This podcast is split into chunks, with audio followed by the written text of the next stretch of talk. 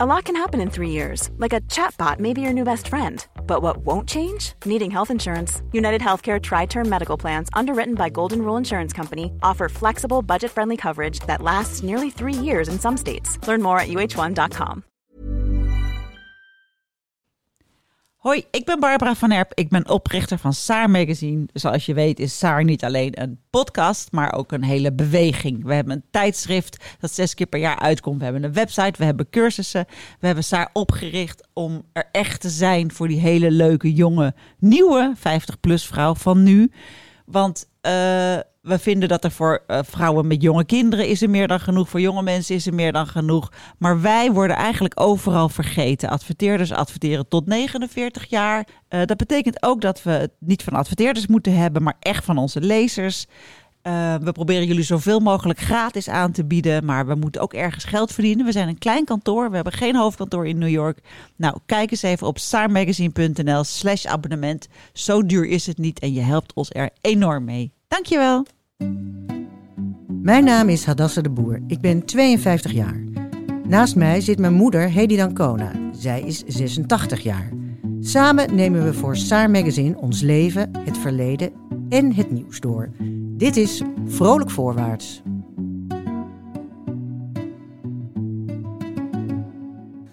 Ja, ma. Ja. Daar zitten we dan, onze eerste stapjes in podcastland. Luister jij veel eigenlijk? Ik weet wel dat je de hele dag en nacht Radio 1 aan hebt staan. Ja, en dan hoor je dus via Radio 1, vooral in de nacht, hoor je ook een rij van podcast. Maar uh, ik gebruikte het ook wel eens toen ik ze nog opzocht, om erbij in slaap te vallen. Ja. En dan werd ik vaak zo wakker of opgewonden of kwaad. Of, uh, dat was, hielp me niet echt. Maar nu heb ik dus die radio, die sukkelt voort. En, Ja. uh, krijg ik ook genoeg podcast in de oren. Ja, Ehm, ik heb jou hiervoor gevraagd. En ik dacht misschien eh, wil je weten waarom. Eh, eh, dat is namelijk om, het volgende, om de volgende reden. Als je opgroeit, had ik me bedacht, dan, dan, dan vraag je heel vaak advies aan, aan je moeder of, hè, over bepaalde zaken. Maar ehm, het is niet zo dat als je ouder wordt dat je minder advies nodig hebt. Maar er vallen wel veel moeders weg. En ik dacht, ik heb eigenlijk ontzettend veel geluk dat ik 52 ben en nog een moeder heb waar ik advies aan kan vragen. Dat vind ik heel uh, bijzonder. En ik denk dat, dat nou, veel andere vrouwen um, daar jaloers op zijn. Uh, uh, jij had trouwens niet een moeder toen je 52 was. Nee, mijn moeder is, is jong dood gegaan. Maar ik vraag me af um, of, of ik advies gevraagd had. Nee, ik, had een, ik, ik was dol op mijn moeder. Maar advies, ik vraag me echt af of jij mij nodig hebt voor advies. Want nou, wat kan ik nou voor advies geven? Echt, je kan erover praten met iemand. Maar ik kan toch nooit zeggen, zo moet je...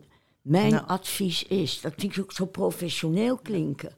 Nou ja, je kijk op de dingen, uh, dat, dat is dan prettig. Nou, ik weet wel, toen ik de, uit de, de man, nee, de vader van mijn kind verliet, daar heb ik nog wel even over gedaan. Daar hebben we wel veel over gesproken. Ja, ja, over die situatie. Bijvoorbeeld, en om terug en blijven, daar had ik zelf ook nogal uh, uh, veel ervaring mee.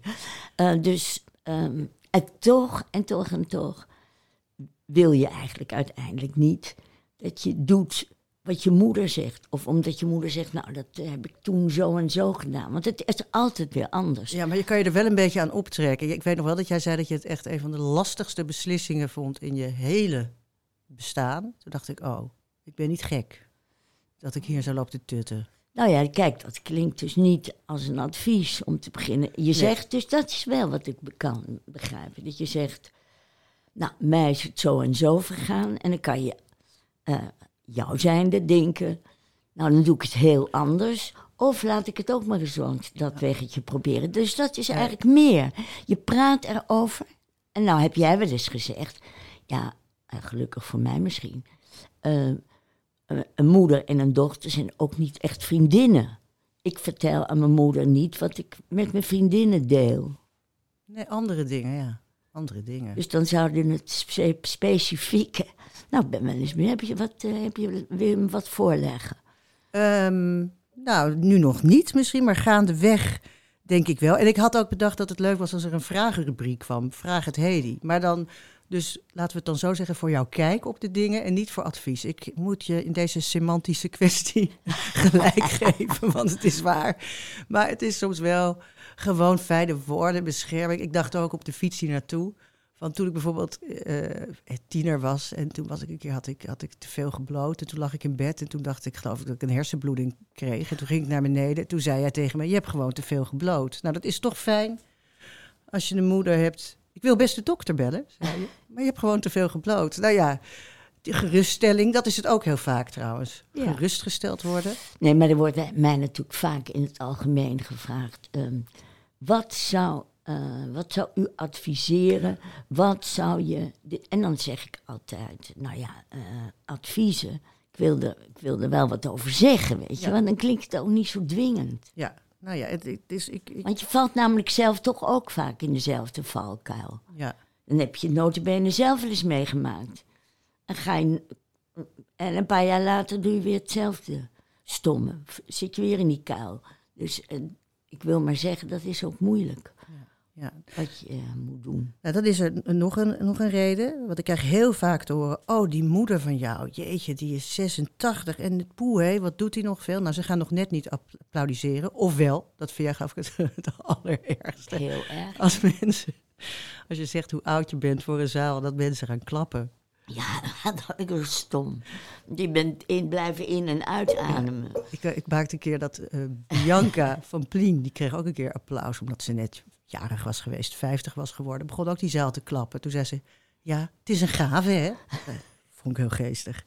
Ehm, maar ehm, toch die, die betrokkenheid, dat, ik begrijp wel dat mensen dat inspirerend vinden. Dat je in elk geval je nog zo betrokken bij alles voelt. Dat je een heel druk bestaan hebt, een goed gevuld bestaan. Je hebt het vaak drukker dan ik. Ik denk wel eens, als ik jouw schema hoor van... doe eens, doe eens rustig, doe eens wat minder. Ehm, en eh, toen had jij de suggestie voor een rubriekje. Een wekelijks rubriekje. Dat is waar, waar heb je je... Wat maakte je gelukkig of wat maakte je heel erg kwaad? Of zeg ik dat goed? Ja, ik dacht, ja, eh, wat wond je de... Kijk, een van de dingen eh, om, om goed ouder te worden... is niet om je verontwaardiging te laten zakken of je, of je eh, verbijstering. Eh, want dat, keep, that makes me run. Ja. Ik bedoel, als je, zegt, als je denkt, nou, eh, het is mijn tijd wel geweest... en eh, ik ga maar eens in de relaxstoel liggen... Nee, dat is niet goed. Daar word je echt niet oud van. Je moet nieuwsgierig blijven en opgewonden worden als daar reden voor is. En dat vond ik wel leuk om, als jij het zou zeggen, ben jij in de week opgewonden van. waar ben jij? Ja, laten we dat maar zeggen. En ja, wa- wat heeft jou in de, in de afgelopen week opgewonden gemaakt of verrast of, en vrolijk gemaakt? Dat kan ook. Ja, nou ja, ik, een soort verontwaardiging. Dat is ook een woord wat ik vaak uit jouw mondje hoor komen. Ja, ja. Dat was toch toen ik eh, twee dagen geleden hoorde dat het allergrootste cruise ship ter wereld was uitgevaren. En, ik weet niet hoeveel zwembaden en restaurants, maar ook een schaatsbaan erop. En een, eh een surfsimulator. Ik stel me voor een, een, een- een, zwembad met zulke sterke golfslag dat je erop kan golfsurfen. 10.000 man, eh, inclusief personeel. En ja, ik, ik, ik was gewoon verbijsterd. Je weet, langzamerhand weet iedereen dat, dat die hele eh, cruise-industrie, dat is de meest vervuilende manier van reizen. En dat er zoveel mensen gewoon op zo'n boot gaan zitten, ja, ik vind het zo'n dikke middelvinger naar het klimaat. Dat, eh, dat je daar. Ja, ik Ja, kan ik het niet zo goed, ik kan niet zo goed uitleggen, ja. maar ik, ik, dat je ik- het durft te. Ik denk, hoe durf je dat je vrienden te vertellen? Maar die mensen hebben allemaal vrienden die dat ook leuk vinden. Ja. Om zich heen natuurlijk. Nee, maar het is eh, eigenlijk echt zo achterlijk. Als je niet meer mag, één keer per jaar mag vliegen. ehm, en dat je dan met z'n tienduizenden op zo'n drijvend dorp. heel vaak vlieg je trouwens ook nog naar de plek waar die boten vertrekken. Ja, het is echt, eh, het is echt een, een heel erg raar in deze tijd. En dat de kranten het alleen maar publiceren en je het over de radio hoort. En niemand er meteen bij zegt, nou zeg, wat Ja, we hoe, nou? hoe vervuilend het is. En, en, en Ja, trouwens ook, ik, ook voor de mensen die op dat schip zitten, is het ook ongezond. Dat is nog wel een uh, bijkomstigheid dat ze misschien uh, weg zou kunnen jagen uh, in de toekomst. Maar die ze weg zou kunnen jagen in de toekomst. Ja, nee, het is heel raar. Ik dacht, ja, als het zo doorgaat, dan, dan kun je niet eens meer tegen een ijsberg opvaren met een boot. Want die zijn er dan niet meer. Ja, dat is ook geruststellend. Ja, nou ja, goed. Dus dat is dan dat. En uh, ja, ik weet, en, en, en, jij? Nou ja, omdat ik dit inderdaad eh, meteen een reden vind om te gaan demonstreren, um, heb ik wel een paar vrolijke dingen. Ja. Ik, um, ik vond het leuk om in de krant te lezen dat uh, Shaila Sint-Talsing, die ik zeer bewonderd, een eredoctoraat krijgt van de Universiteit Humanistiek in Utrecht. Ook zeer terecht. Ik ken bijna niemand die uh, zo goed kan analyseren. Uh, zo vals kan zijn ook naar politici die ze niet vindt deugen op zo'n fantastische valse manier, dat je er toch om moet lachen. Ik vind er echt een star. Um, in, uh, in haar beoordeling van situaties. Ze heeft ook uh, dat kinderbijslagschandaal uh, is eigenlijk ook bij haar opgekomen hoor. Ja. En daar heeft ze meteen aandacht aan besteed. Maar nu las ik van gisteren, geloof ik, ook zo'n goeie van Marcia Luit in de Volkskrant, waarbij Oh, ze ja. voorspelde, en, en ik denk het ook, maar, en vrees het ook, dat, ehm, dat eh, Plasterk dus minister-president zal worden. Dan kunnen al die types in de Kamer gaan zitten. En dan ehm, kunnen ze hun kritiek uiten. Dat is vooral voor, natuurlijk voor Wilders eh, een mogelijkheid om nog groter te worden. Met een zonder partij achter zich. Met een fractie die zijn mond niet open mag doen zonder dat hij er toestemming toe heeft gegeven. Je zei en dat je iets... Als de draaikont bij uitstek ah, lachende aan de zijkant. Wat wil zeggen, die is al begonnen met het beklimmen van het torentje. Ja, je zei dat je met wat vrolijks kwam, hè? Ja, maar ik vond het vrolijk. Nee, ik vond het vrolijk. Omdat ik twee vrouwen noem. Die Ah, ja. zo goed de zaak in de gaten hebben. Maar er zijn veel, eh, veel vrouwelijke eh, columnisten. En dat vind ik dus vrolijk. Alles waar ik meer vrouw... Ik ben een feminist, dus... Maar als ze dan nog zo goed zijn... Ja. Als Sheila en die Marcia Luiten... Nou, dan vind ik het helemaal feestelijk. Ja. Maar wil je nog iets rottigs horen? Kan Nee, nee, nee, nee, nee, dat kunnen we dan bewaren voor de volgende keer. Nee, eh, de, eh, nee we, we gaan nog even door, want eh, ik had nog iets waardoor ik dacht, het is leuk om dit te gaan maken. Eh, dat heeft ook met jouw leeftijd te maken. En dat is dat jij, ja, als veel zaken in het nieuws, ook in het persoonlijk, maar ook in het nieuws, ehm, ja, die kan jij toch in een bepaald ja, historisch perspectief plaatsen, omdat veel dingen ook terugkomen of nog eens eh, zijn gebeurd. Ik bedoel, die, die, die spreidingswet, ik weet niet, jij bent ooit toen je minister was, ging je ook over de asielzoekers. Nou, ik weet niet of dit toen al op deze manier langskwam, om maar iets te noemen. Nou, als ik er iets over mag zeggen. eh, eh, ik was dus van eh, 89 tot half 90 jaren, 4,5 jaar. En ik was minister van eh, WVC. En onder het welzijn viel dus de opvang van asielzoekers. En de mensen waren precies hetzelfde. Ze mochten nergens. Het was, waren altijd eh, wel uitzonderingen. Bijvoorbeeld in Hilversum zat ehm, eh, eh, een vrouw van het CDA. En die was prima. Daar mochten Ja. ze.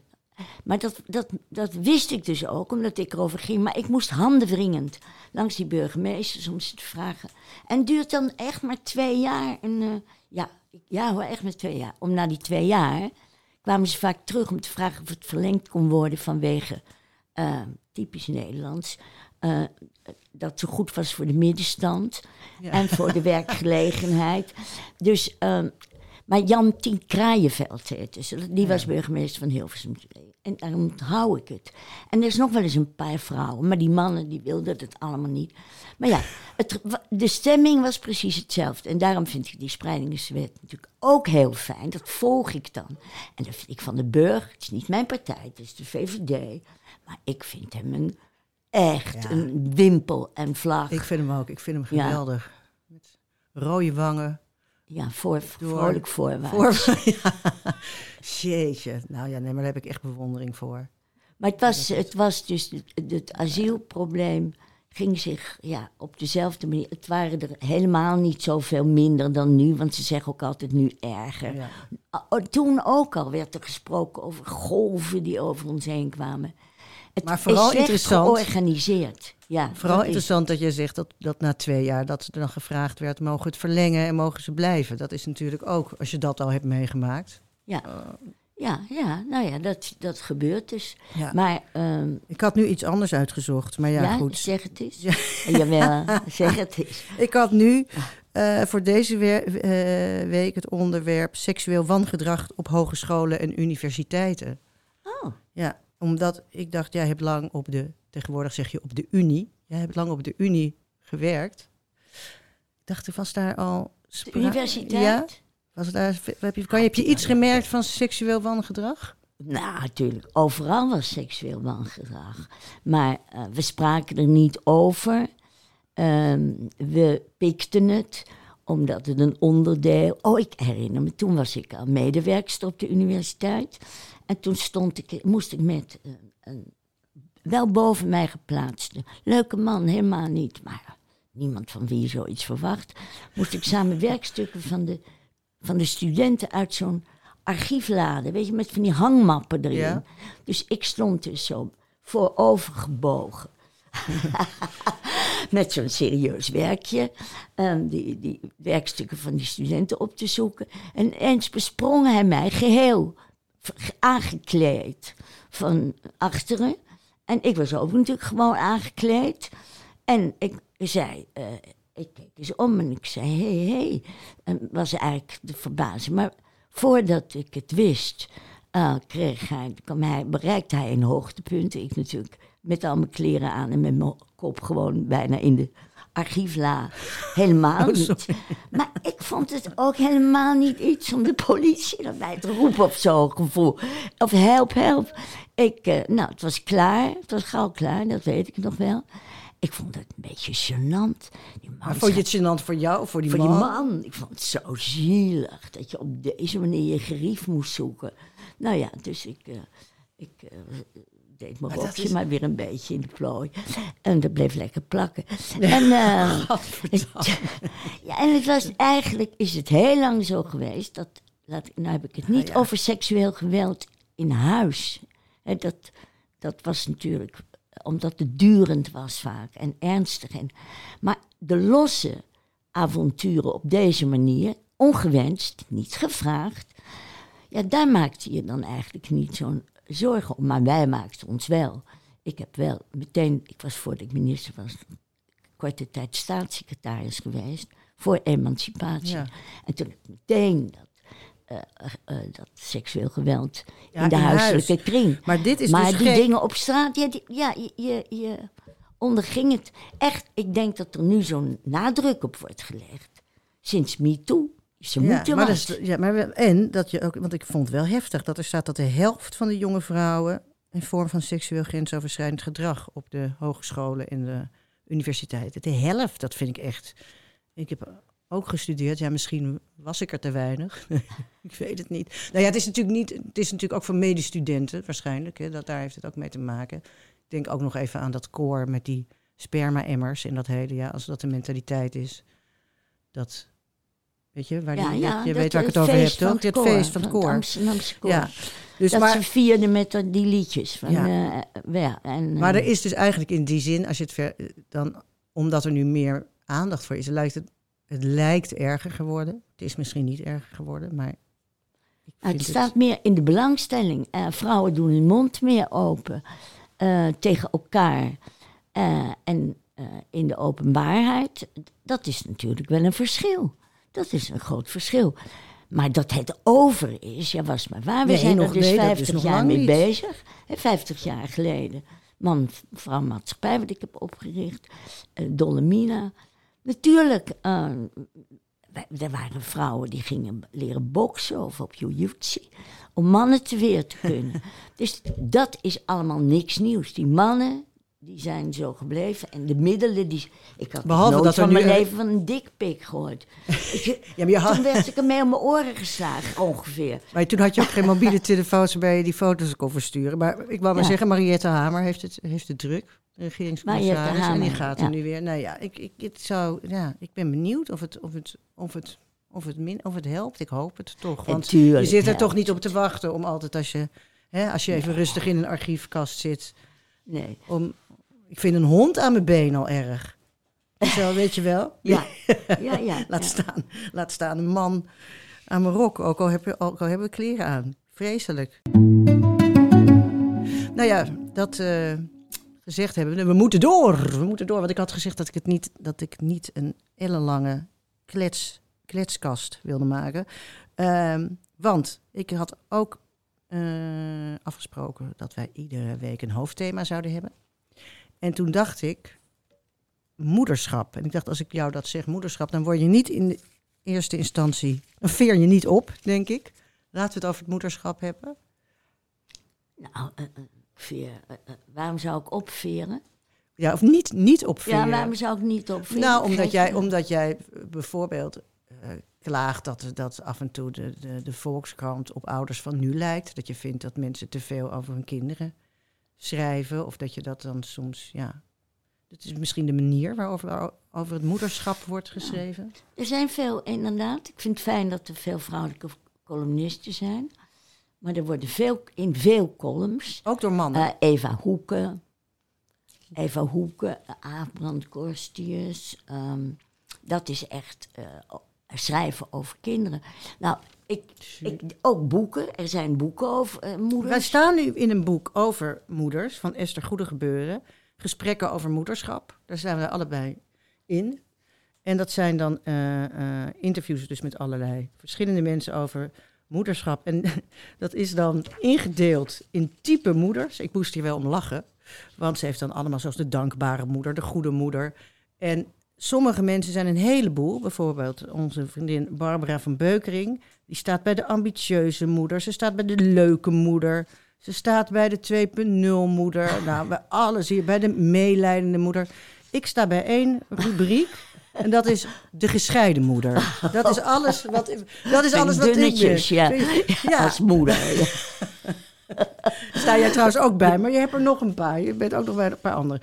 Maar goed, d- dit er terzijde. Eh, eigenlijk wilde ik het erover hebben door een column die ik van Emma Curvers... Kijk, weer zo'n geweldige vrouwelijke columniste. In de Volkskrant las zaterdag over de eh, ontzettende cons- conservatieve ideeën eh, over het moederschap.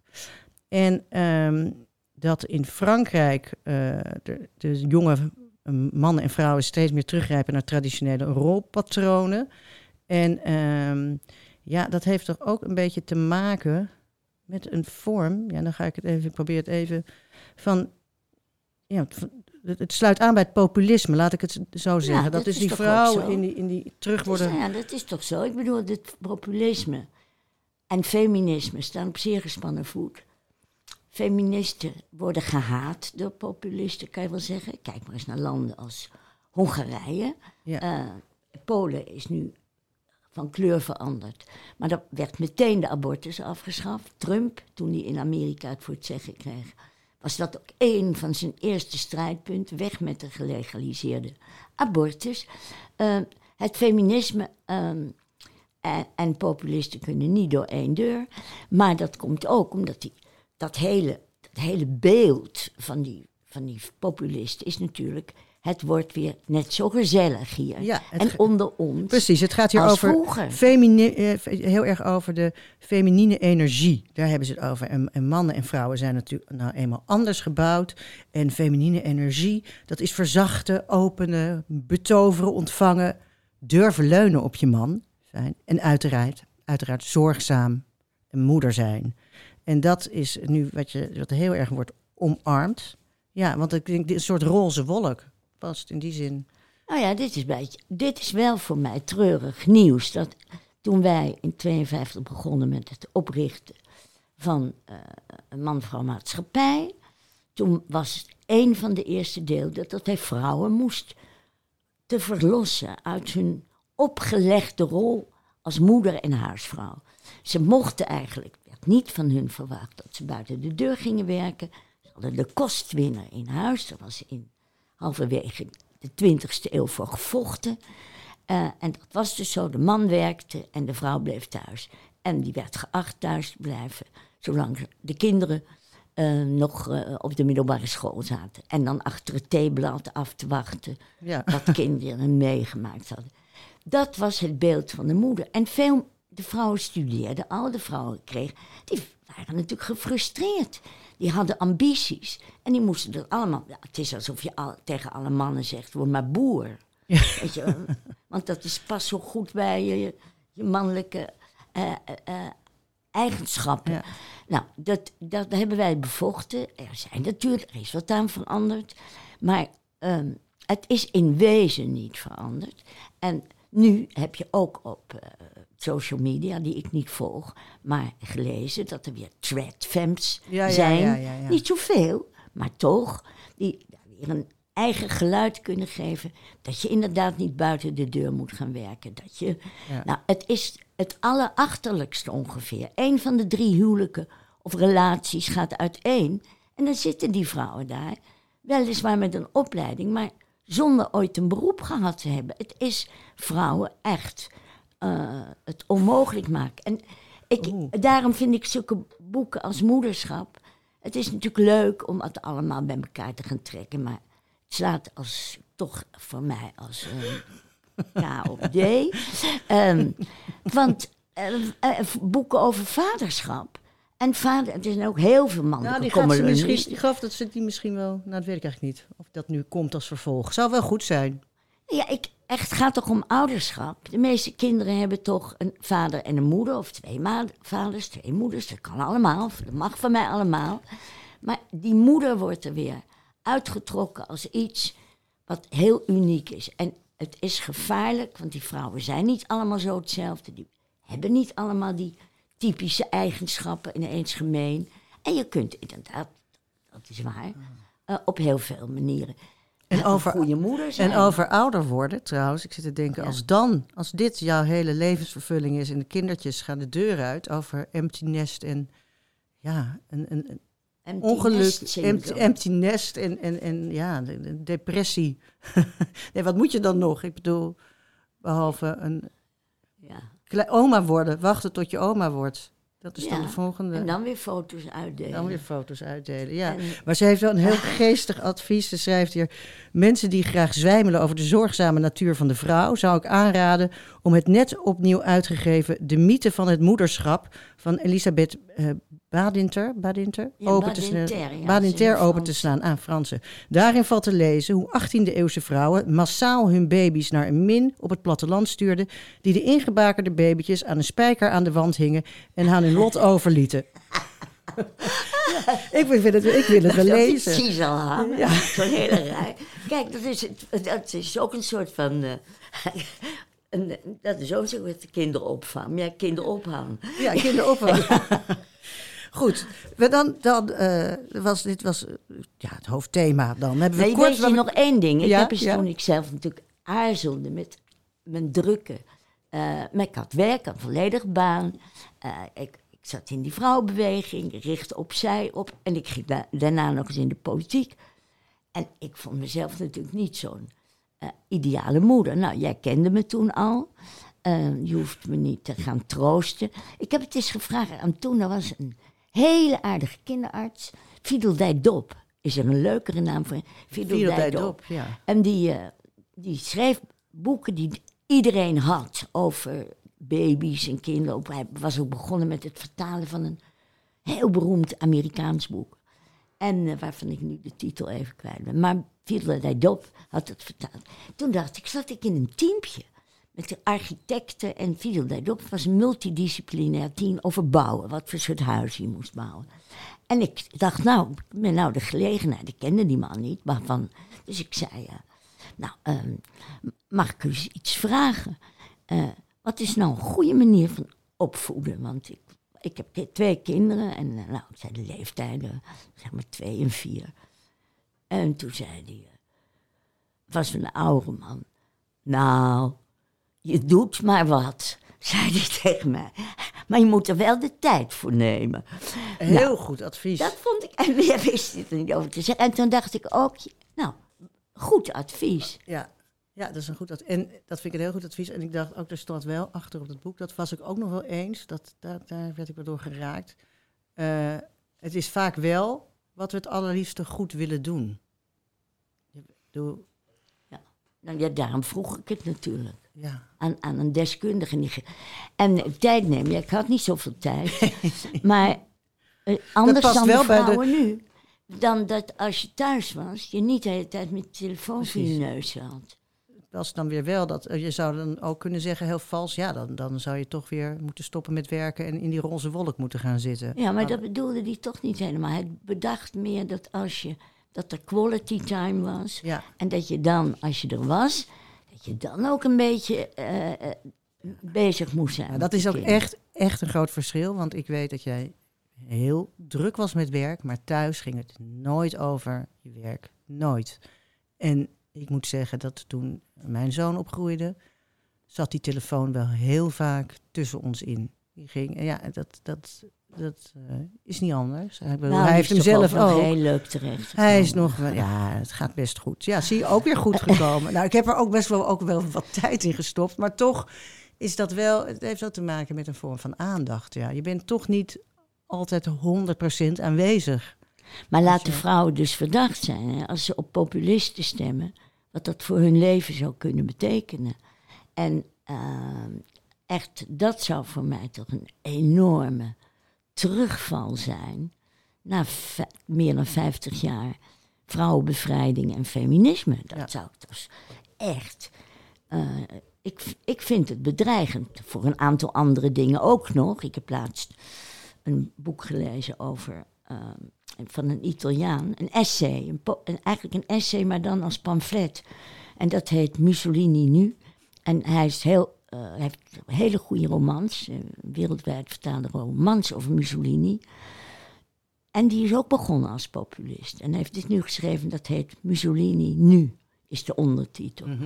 Nou, hij heeft natuurlijk in Italië hebben ze al een vrouw als populist aan het Ja. hoofd. Nou, Dat is daar begint het al mee. Maar hij heeft dus. eh, hij, hij, hij, hij maakt je wel wakker hoor. Ja. Dat je er wel over rustig over kan nadenken. Eh, maar dat je je ook wel eens eh, heel ongerust over kunt maken. Omdat in Europa echt al zoveel landen op de rand staan. Om, om Nou ja, daarbuiten hè, ook. Daarbuiten Duitsland, ook. eh, Frankrijk. Ja, maar goed, wij zijn nu een Europees land. Ja. En, God, ik, ik dacht dat misschien moeten we toch nog even eindigen met een wat optimistischer gesprekje. Dus dan wil ik toch de Vraag het Hedy-rubriek nog even introduceren. Ja. En omdat we nog geen... Daar gaan we, waar gaat het over heen? Nee, omdat we gaat nog, niet over Hedy, maar over anderen. Nou, dan, nee, dan, ja, dan mogen mensen zelf aan jou, dus niet advies, maar vragen wat jij daarover te zeggen hebt. Oh, heb jij wat bedacht? Ik heb nu wat bedacht die iemand anders bedacht zou kunnen hebben. En dat was dan de vraag: verveel jij je wel eens? Nee, ik verveel me nooit. Nee, ik verveel me nooit. En dat komt niet omdat ik altijd met goede en serieuze en diepzinnige eh, dingen bezig ben. Ik, eh, dat gaat over de trap dweilen ook. Of eh, brieven schrijven naar mensen, nog ouderwets. Waarvan ik alle schuldgevoelens heb. Dat ik denk, ik kan het niet meer met een mailtje afdoen. Ehm, dat gaat eigenlijk over dat ik 's ochtends een lijstje maak.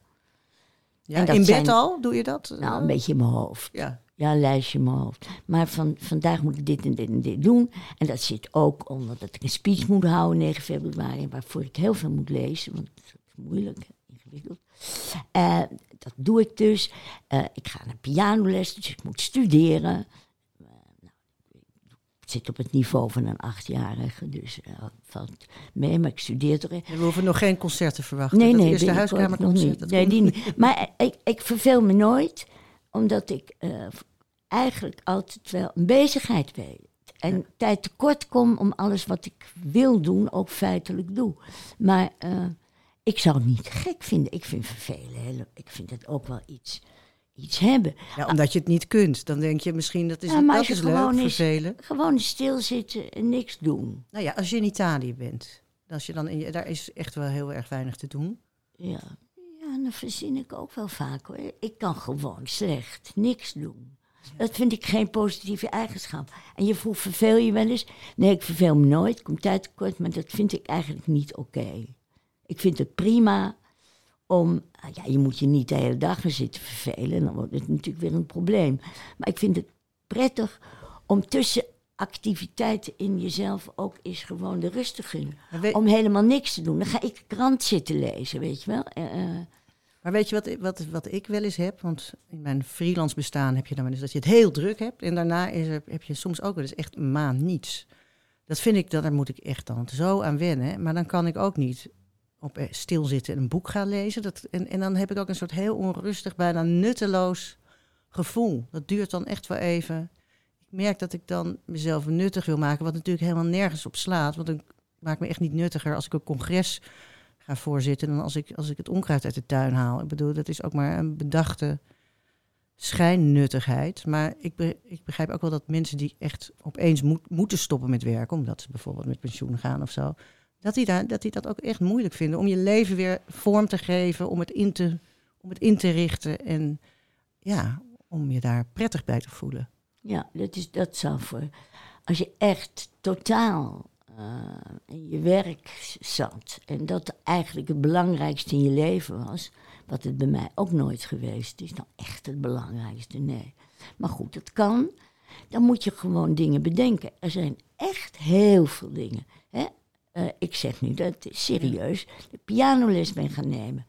Nou, eh, dingen doen waarvoor je daarvoor, toen je nog niet gepensioneerd had, geen geld had of geen tijd, die moet je oppakken. Er zijn ontzettende leuke danslessen voor ouderen. Er zijn, en voor gepensioneerden. Ook dansen alleen, weet je wel. Dat je niet eh, een partner nodig hebt. Ze zijn heel succesvol. Ja. Nou, er zijn zoveel dingen. Je, kunt er, je kunt iets gaan leren. Je kunt taal gaan leren. Ik bedoel, en dan ontmoet je ook weer mensen. Ehm, nou ja, eh, eh, het is... en als je een tuin hebt en je houdt daarvan... je in die tuin onkruid zijn uitrukken. Ik bedoel, En anders maak je, maak je maar zin. Ja, toch? Zo Ja, is het ook. Anders, zin. maar dat is al Dat vaak. is zin goed. maken is, is eigenlijk. Nou, ehm, ik denk dat we, dat we hem wel hebben zo. Dat eh, we op deze manier. Wil je nog iets aan toevoegen? Nee, ik wil hier niets meer aan toe. Ik sluit mij geheel aan bij de voorgaande spreekster. Nou, dan zou ik zeggen, dank je wel en vrolijk voorwaarts. En of.